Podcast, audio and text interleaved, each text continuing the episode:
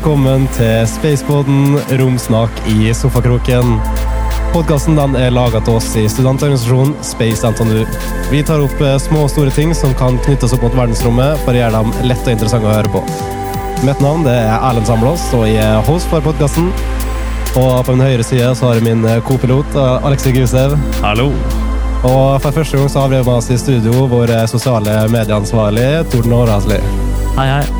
Gjesten vår i dag er kanskje en som flere kjenner til, men for de som ikke kjenner til, så er det en person som er veldig allsidig. Kan veldig mye. Tidligere hatt flere lederroller i store selskaper, og nå har han innspissa seg litt mot eh, verdensrommet. Og eh, han er òg veldig interessert i musikk og holder med eh, mange forskjellige idretter. Ole Dokka. Hei, hei. Og jeg synes det, når jeg var inne på Facebook-profilen din, så syns jeg at det oppsummerte det veldig godt. Og jeg tenker jeg gjentar den her. Det er father, husband, music lover, skater, snowboarder, surfer, biker, designer, strategist, space beastman. Ja, det høres ganske riktig ut. Det er en eh, heftig liste som veldig få tror jeg kan klare å, å, å matche. Ja, det er sånn, Til mer jeg blir kjent med Ole Dokka, til mer jeg finner ut at han er så akkurat nå holdt på med radio, og så når vi viste en bilde i stad, så var det, holdt med, hva var det du holdt på med? Billedkunst. Billedkunst, ja. Så det, her har vi med oss en mann som kan nesten alt. Det er kanskje ikke riktig, men en ting som jeg faktisk har utelatt fra den lista på Facebook, det er golfer. For det tør jeg nesten ikke å skrive, for det syns jeg er litt teit. Ja. Men, men jeg er veldig glad i å spille golf, da. Men jeg tør ikke å si det. Ja. Men golf er, det er jo det er veldig interessant. Men er det noe du startet med nå, liksom? Eller Nei, er jeg, det, har du jeg har spilt en god stund og har på en måte et uh, single handicap, så jeg er litt sånn jeg Kan ikke si jeg er nybegynner. Men, men eh, det skal vi ikke snakke om i dag. Nei, riktig. I dag er det jo eh, Vi skal fokusere i dag episoden på hva det er som er for framtida for verdensrommet, både for Norge og internasjonalt. da.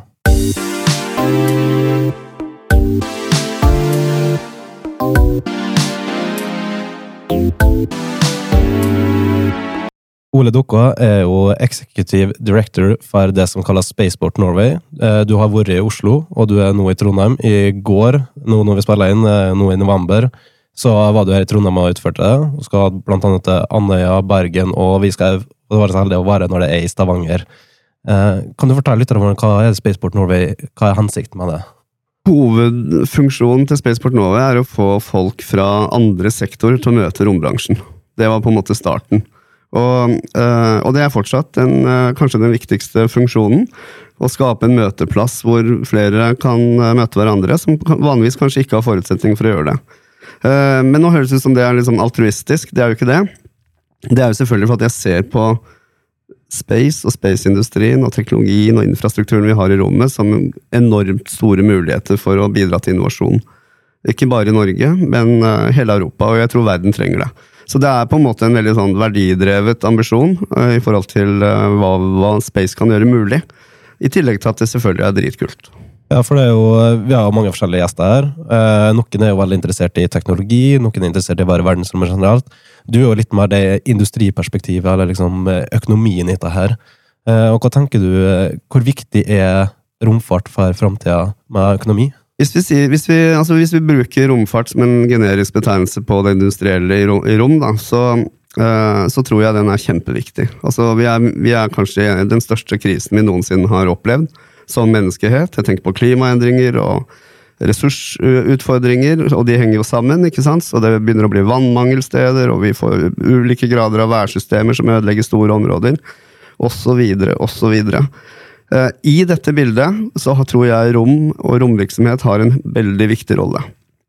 Eh, Mye pga. eh, satellittinfrastrukturen vi allerede har, men også mye det som kommer av, av muligheter i, for å måle og, og rapportere og monitorere, for å kunne forstå de store endringene vi faktisk står overfor.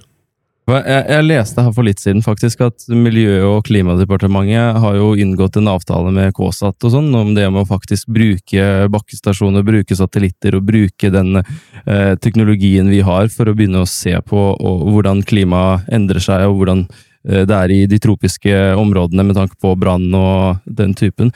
Så det er nå absolutt eh, noe veldig viktig å jobbe med da, eh, på sikt.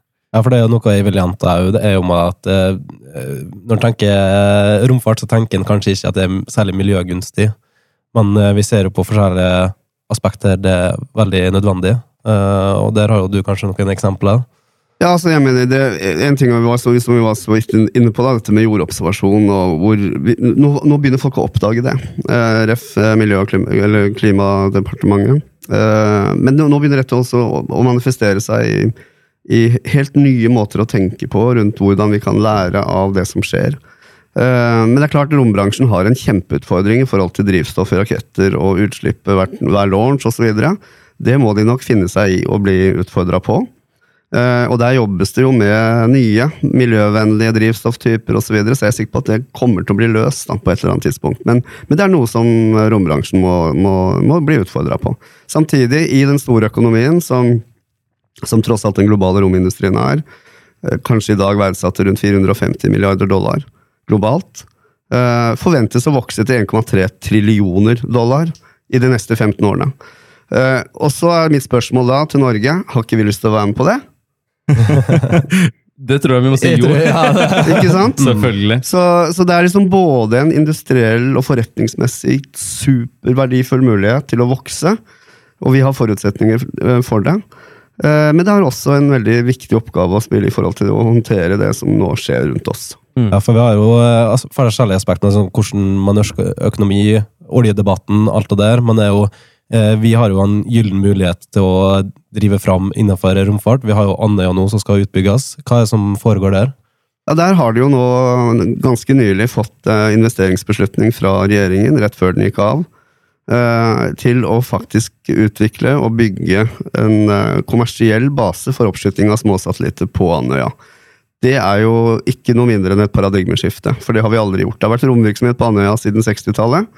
Det var faktisk en av de absolutt første stedene i verden hvor det ble skutt opp ting. Eh, Men det har vært dedikert til forskning og for så vidt militære formål. Så det de nå bygger på Fannøya, er jo en kommersiell fasilitet som kommer til å tiltrekke seg aktører fra hele verden til Norge for å enten forberede en payload eller sette sammen ting, teste osv. for oppskyting på Andøya. Det er fantastisk kult. Er absolutt utrolig kult å se. Og det, jeg så jo, eller sånn, Staten har jo nå innvilget ganske mye penger på det, den fronten der, og faktisk eh, bygge ut eh, Andøya mer og mer. Jeg tror Men- det var på var ikke 360 eller 365 millioner eller sånn da? Det stemmer. Jo, jo, det stemmer. Det er sant. Det er, men, men før, altså sånn Andøya, var, var det bare en veldig liten base der som ikke kunne bli? Eller hva, hva, liksom, for du nevnte at det var hovedsakelig til forskning. Ja, altså De har skutt opp sonderaketter fra Andøya, Ja, okay. og, og de ja. har jo en, en masse ekspertise og erfaring der oppe i forhold til å kjøre den type operasjoner og missions. Men, men det de nå bygger, er jo en kommersiell øh, en enhet, da. Som skal faktisk drive dette som en forretning, så, så det er jo ganske annerledes. Og samtidig, de har tiltrukket seg masse bra folk, øh, masse bra selskaper. Er Veldig spennende utvikling på Nøya. Eh, Men det er ingen eh, Det er først neste år vi vet eh, hvordan det faktisk går. For den første oppskytingen skal jo skje Q3, Q4 2022. Eh, Eksakt dato for det har vi, tror jeg ikke de har, og jeg har det i hvert fall ikke. Men eh, med tanke på konkurransefortrinn, vi, eh, vi konkurrerer jo litt med andre land. Eh, Nå skal jeg ikke helt spørre spesifikt, men er Sverige blant annet, og Portugal og litt sånne ting. Hva er det Norge har som de andre ikke har? Vi har en god del naturgitte forutsetninger. Det ene er at Andøya ligger der det ligger. Altså, det er lite aktivitet, lite flyaktivitet. Det er stor, store havområder som gjør at det er relativt lett å definere sikkerhetssoner. Definitivt en kjempefordel. Eh, For å sette det på spissen, da, hvis Kiruna skal bli en kommersiell base, da må de skyte oppover Norge. Tror vi kommer til å la de få lov til det? Nei, neppe. Men, men eh, Jeg sier ikke at det ikke det er mulig, men, jeg, men de har større utfordringer knytta til det. I tillegg så kommer vi raskt opp i polar bane eh, fra Andøya. Noe som er eh, direkte oversettelig til sparte kostnader. Spart drivstoff. Eh, kortere tid. Det er jo faktisk en ting som er nevnt, tror jeg, både her og på en podkast vi var med Folkeinvest for en god stund siden. Det er nemlig at det er en grunn til at faktisk russerne har to hovedbaser. som Det er en som er langt inn i eh, Sibir der, og en som ligger i Arkangelsregionen, som er nett- nettopp breddegrad med Trondheim og områdene her. Og det er jo fordi de får faktisk ting opp i polar bane mye raskere og mye enklere. Ja. Så de hadde jo ikke faktisk eh, giddet å gjøre det, om ikke det var en grunn til det. Absolutt. Eh, så- og, så det, er jo, det er jo et miljøperspektiv i det òg. Du bruker jo rett og slett mindre drivstoff. Og, Og, men fremfor alt, eh, jo raskere du kan få deploya noe til bane, dess fortere blir du kvitt risikoen. Men Hvilke kommersielle aspekter ser du eh, folk er villige til å betale for for å komme seg opp i verdensrommet? Altså, Hva vil vi ha ute fra å sende opp der? Nei, jeg tror jo, nå, nå, ser man jo mange interessante ting som skjer spesielt på små satellitter. og Jeg har også lyst til å si at små satellitter da, det er jo ikke CubeSats på et par kilo. Nei. Eh, små satellitter er opptil 1500 kilo. Uh, og de vektklassene som nå, disse rakettene som nå i utgangspunktet skal skyte opp fra Andøya, opererer på, ligger på rundt 1200 kilo. Uh, så den første, som, uh, som dere, det som var der i går, da, på Spaceport Norway, møtte Isar Aerospace der, og den raketten de nå på en måte forbereder til denne første launchen, den er sertifisert for 1000 kilos payload. Det er ganske stor satellitt, altså. Det er Betydelig større enn uh, den lille eh, som Orbit skal sende opp, som er CubeSat. Ja, for jeg tror veldig mange tenker at små satellitter det er litt sånn, det er, det er noe som man driver og hacker på bakrommet, og så, og så er det enkelt å få, for det veier jo ingenting. ikke sant? Men poenget er at er, de, de, blir mer og mer sofistikerte, og de er i stand til å gjøre fryktelig mye mer enn det de gjorde bare for noen få år siden. Uh, og så refererer jeg til programmet i går, hvor vi hadde en representant fra Norsk Romsenter, som er leder for Galileo-programmet der og som også bekrefter at Galileo, som er gigantiske satellitter uh, Vi snakker om busser i bane, ikke sant? Altså den størrelsen. Hele raketten må være liksom dedikert til den ene som sendes opp? Ja, og det må være en betydelig uh, launch vehicle for å få det opp. Ok, De også ser at miniaturiseringen går også den veien for dem. Så om ti år, fem år, I don't know, så vil du ha mye mindre Galileo-satellitter, kanskje, som blir skutt opp fra kanskje Andøya. Mm. Men ja, jeg kan bare ta det første.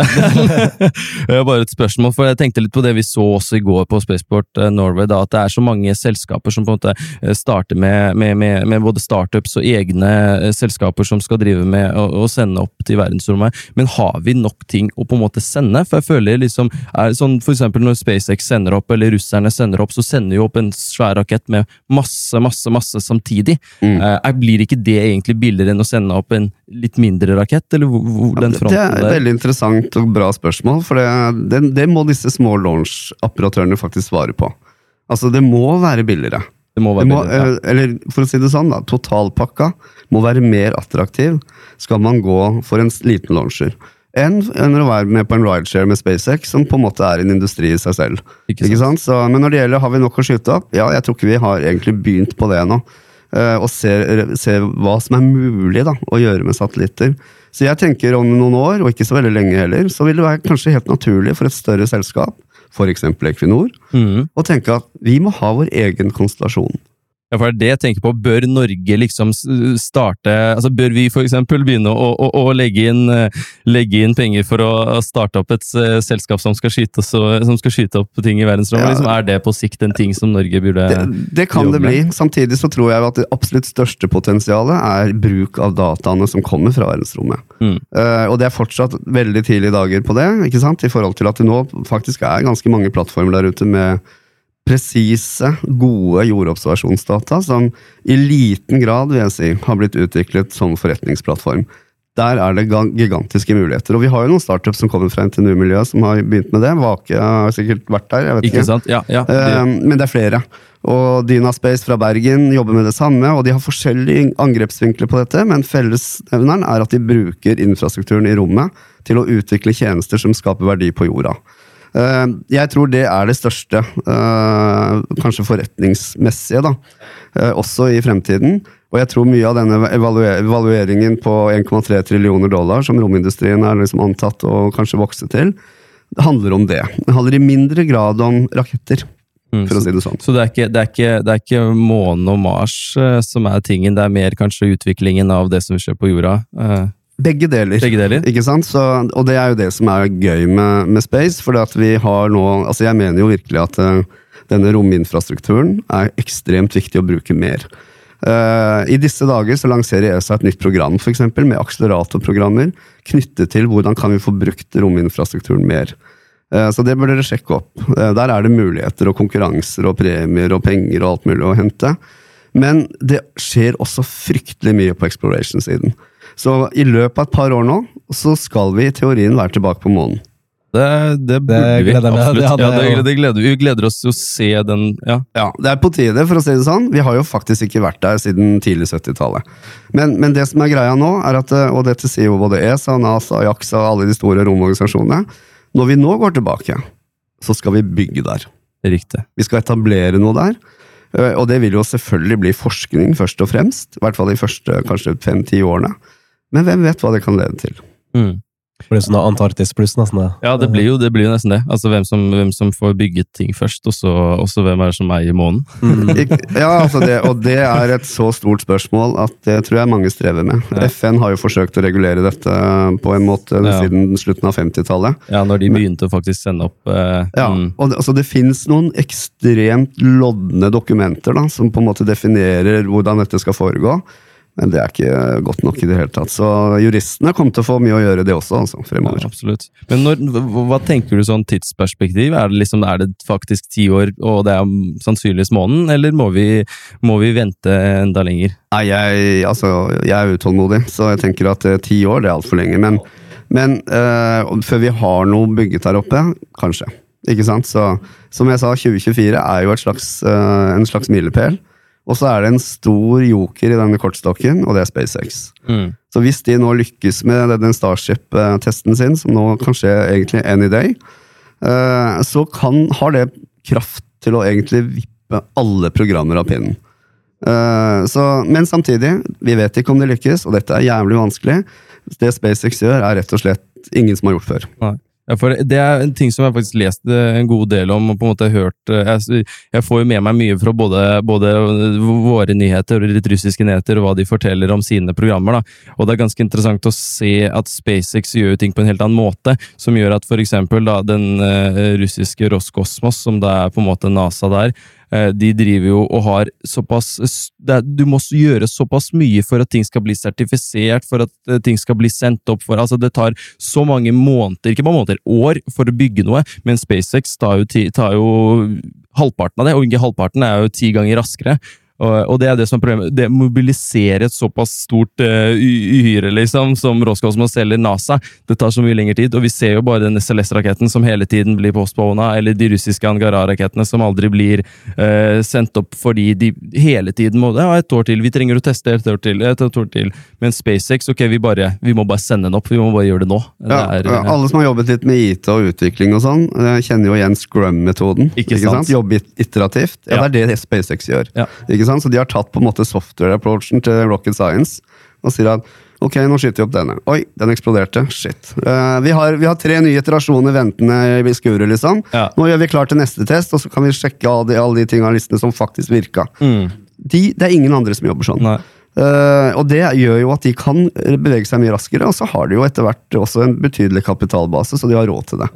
Men Så- det er jo NASA er jo litt redde for omdømmet sitt hvis noe sprenger hos de, eller Roscosmos er jo veldig redde hvis, hvis de igjen nå får et eller annet som skjer.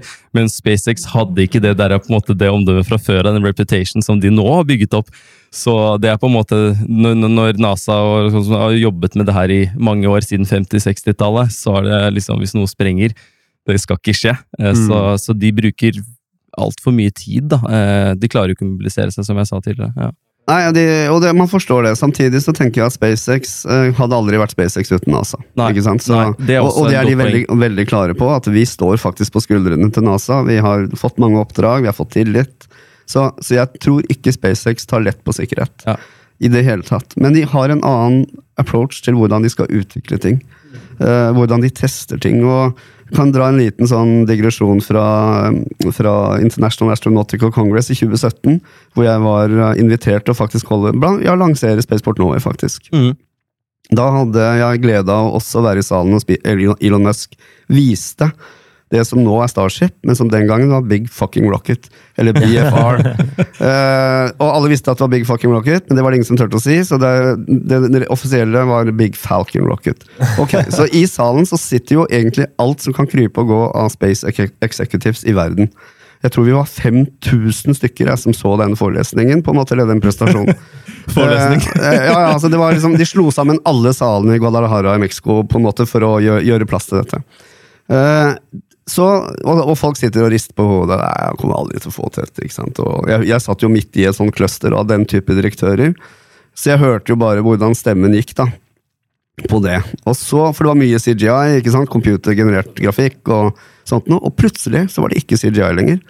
Det var en gigantisk karbonkomposittank med bitte lite menneske som sto ved siden av. Og så sier Elon Musk ja, og så har vi også testet uh, karbon som muligheter i tank for, denne, for dette vehicle, ikke sant? dette launch vehicle.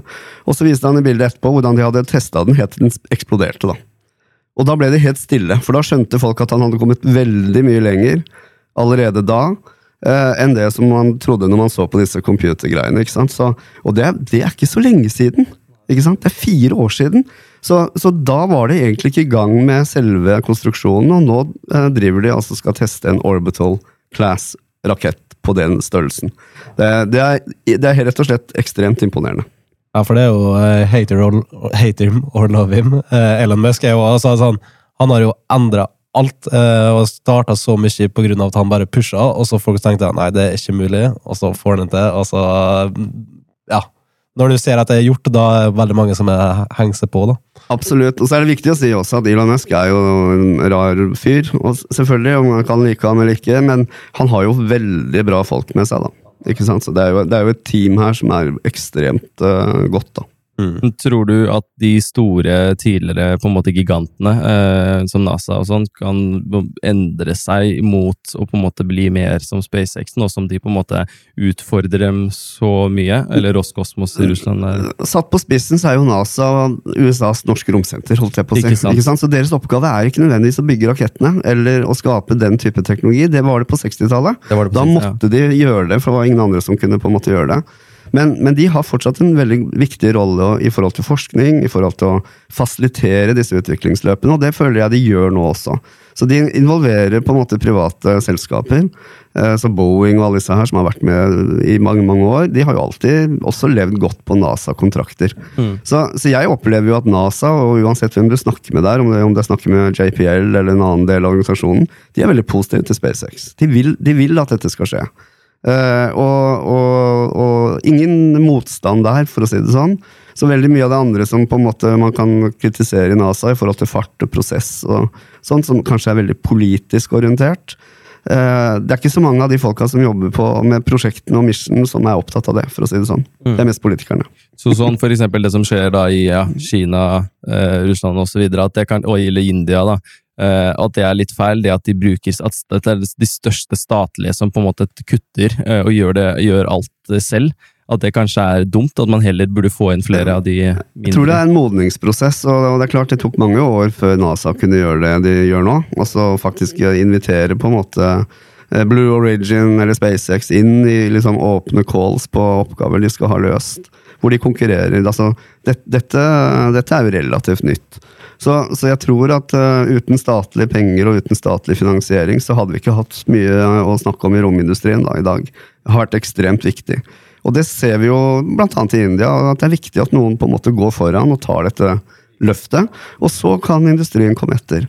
Uh, men du, du, nevnte Kina, det syns jeg er det mest interessante. At, og jeg er definitivt ikke noe ekspert på kinesisk romfart, mm -hmm. men de gjør sykt mye. Mm. Men de snakker ikke om det. Nei. Så vi vet faktisk nesten ikke hva de gjør. I hvert fall ikke jeg. da. Det sitter nok noen etterretningsfolk uh, rundt omkring i Norge og vet fryktelig mye mer. Men, men uh, som, nå har de en romstasjon i Vane allerede, ikke sant? som opererer på et helt annet nivå allerede enn det ISS gjør. men vi vet ganske lite om det. Mm. Så at Kina kan bli en stor player, eller er en stor player, og bli en enda viktigere, og kanskje litt skremmende også, player i rommet, det er det ingen tvil om. Men tror du at det er appellet ligger i uh, si, i Forsvaret og militært uh, aspekt, eller tror du det har det økonomiske aspektet? Jeg tenker det er begge deler, men det er, det er, fryktelig lett å tenke at det har ganske store militærstrategiske verdier for Kina å gjøre dette. Og, og, jeg tror de er veldig Det de kanskje har som nesten ingen andre kan måle seg mot, da, det er at de har en nesten ubegrensa tilgang på ressurser. Mm. Uh, og for å være litt slem, de har heller ikke så veldig stor fokus på HMS. Så om det stryker med noen i prosessen, det syns de ikke er så farlig. Det hørtes litt useriøst ut, men det er litt sånn. Uh, og, og, og, det gir de en, dessverre en fordel. Mm. Det er jo det som var det, det, kunne man se i USA og Sovjet, hvordan de jobba eh, på det på i sin tur. da At hvordan Sovjet pusha, pusha Altså, Korolev, som lagde jo Soyuz-rakettene, han var i utgangspunktet i fengsel. For, for det også bare Vi trenger den personen som da er bare genial og kan lage en rakett som blir brukt i liksom 100 år til. Nå, de, de bruker jo Soyuz-rakettene like Ja, ja, ja. mye, og det er jo ganske Fantastisk fantastiske raketter som da ja. Og det er ganske interessant. ikke sant? Og Da bare sa de ok, du, du, får, eh, du kan bare gjøre hva du vil. Du får eh, hva enn du vil av både penger og så videre, så lenge du får denne raketten her opp før amerikanerne. Og det, det teamet de satte opp, eh, det er ganske sykt. Men ja, du ser med en gang forskjellen på hvordan amerikanerne eh, gjorde det, og tyskerne på den, med Nazi-Tyskland før der, og da Sovjet. Så det er litt eh, Kineserne er på en måte på den fronten der, da. At de begynner der. Men nå går det ikke. Altså, Russland kan ikke gjøre det samme Roskosmos lenger. Her, får- nå får folk faktisk betalt, og nå er det noe helt annet.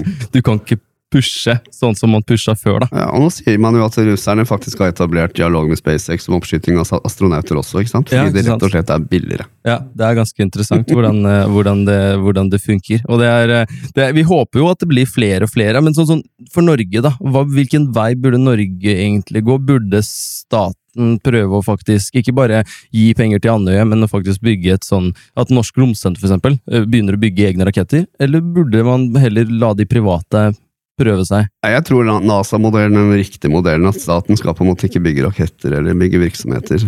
Men, men definitivt fasilitere og støtte opp under det. Og det gjør jo Norsk Romsenter i dag. Norsk Romsenter har en ekstremt viktig rolle i den eh, ganske sterke, tross alt, faktisk, romindustrien vi har i Norge, som omsetter for mellom 7-8 milliarder i året. Som er omtrent det samme som skogindustrien. Så det er på en måte ikke sånn plutti-plutti-plott, men allikevel, vekstpotensialet er gigantisk. Kan bli mye større. Så hvis jeg skulle ønske meg noe, så var det at man i større grad, i Finansdepartementet kanskje, oppdaget at norsk romvirksomhet, det er lønnsomme greier. Eh, medlem- eh, ESA-medlemskapet vårt det gir oss faktisk en veldig bra return of investment på så og så mye. Og dermed gi Norsk Romsenter mer penger å forvalte. For den jobben de gjør, gjør de med ganske små midler. Eh, hvis du ser bort fra ESA-medlemskapet, som koster en drøy milliard, så har på en måte Norsk Romsenter relativt begrensa ressurser. Og ut ifra de forutsetningene gjør de en kjempejobb. Jeg lurer på, eh, for de norske studenter nå som kanskje tenker tidligere at eh, rom er utenkelig. eh, Du har jo sett framgangen og kan kanskje mer enn oss se for deg framtida. Så jeg lurer på, for å gi folk et lite håp, liksom, hvilken framtid kan du se for deg for studenter som har lyst til å innspisse seg mot romfart? Hvilke realistiske jobber kan de få? eller liksom... Det, det er jo det nesten det kuleste av alt. For i den utviklingen vi har nå i romindustrien, så er det nesten ingen disipliner det ikke er plass til. Eh, Det er ikke sånn at du må være rocket scientist eller ingeniør for å finne en plass. Og hadde, vi hadde jo en veldig bra innlegg i går på tampen av Spaceport Norway fra Norsk Romsenter. Petter Evjo Skanke, som faktisk har studert her. eh, Som gikk gjennom, og han måtte jo snakke på inn- og utpust så fort at han nesten ikke fikk eh, på en måte tunga ned seg på slutten. Og for å fortelle om alle mulighetene. ikke sant? Så det fins muligheter i Norge, garantert, men det fins også fryktelig mange muligheter i Europa. Så, så her er det egentlig bare å tenke at har jeg lyst til å jobbe med dette, Uh, uansett hva slags bakgrunn og, studier man har gjort, så vil man nesten finne en plass. Det er jeg helt sikker på. Jeg så jo på den nye Andøya-basen, så tror jeg åpna opp for sånn 100 cirka, nye arbeidsplasser bare der. Ja. Og det er bare på Andøya Space, og så vil det jo også bli etablert et innovasjonssenter der, om, uh, som er på, på gang nå. Som jeg også hadde en liten rolle å spille i forhold til forprosjektfasen, hvor jeg ledet det. Men, men det vil også bli arbeidsplasser der. Eh, de igjen vil på en måte invitere virksomheter til å sitte der. Det vil være større kanskje mentorvirksomheter som også får kontor der. Og så har man på en måte startet på et industrielt økosystem som vil gi mange nye arbeidsplasser. Og når øh, ulike institutter har forsøkt å kvantifisere dette her, ja, hvor mange snakker vi om? Det er ingen som klarer det. Ikke sant? For det, og, det blir litt sånn fingeren i været. Uh, og jeg klarer heller ikke det, men, men, men å si at det blir vekst, og at det blir flere arbeidsplasser, absolutt, det er lett å si. Men det innovasjonssenteret som vi nevnte, nevnte her, hva, hvis vi kunne bare nevnt litt, hva, hva er det her for noe? Hva er det på en måte skal, som skal skje der? Er det forskning? Er det utvikling av nye raketter? Liksom? Det, Nei, nei, ja, det, det kan bli litt av, litt av hvert, holdt jeg på å si, men, men utgangspunktet, den plattformen som vi definerte i, i forprosjektet, handlet om næringsutvikling knyttet til de operasjonene som nå kommer til å bli en del av Andøya Space. Eh, så at man kommer tett på det økosystemet som kommer til å være ganske store verdikjeder med nye aktører vi aldri har hatt i Norge før. Så rakettselskapene det er liksom bare to foreløpig. da. RFA og ISA Aerospace. Eh, Men de kommer til å ha sin egen verdikjede, ikke sant? av operatører, av ulike instanser som, som kommer til å skape et ganske spesielt miljø der oppe.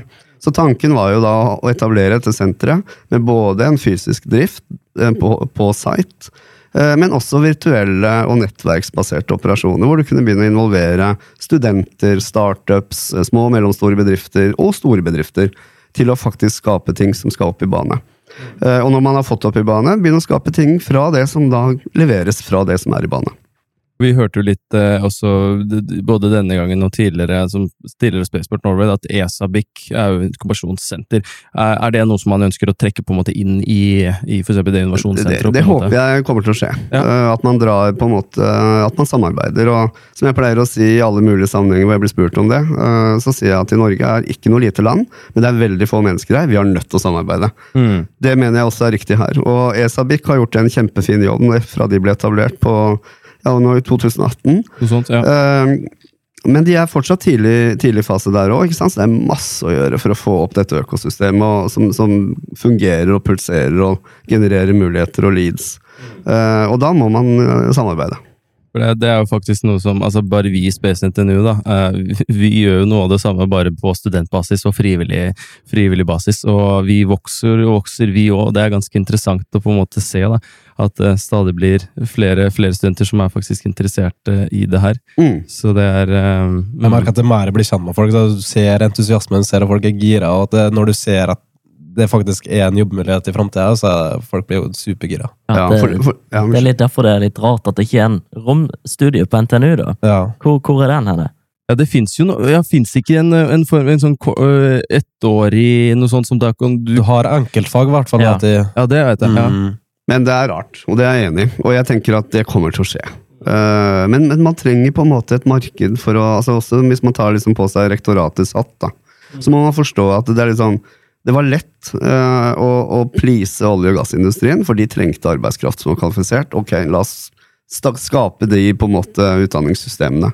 Eh, nå hørte jeg noen samtaler i går, gikk på akkurat det, hvor mange studenter det var i de kategoriene, og det er ikke så mange faktisk på NTNU lenger. Så, så det skjer jo ting, det er jo endringer. Og jeg vil, jeg vil forutsette også at NTNU og andre institusjoner begynner å se at ok, vi har faktisk et ansvar med å utdanne eh, kompetent, kompetent arbeidskraft til romindustrien. Mm, For nå vokser det, ikke sant? Og, Ikke og vi, må, vi må være en del av det.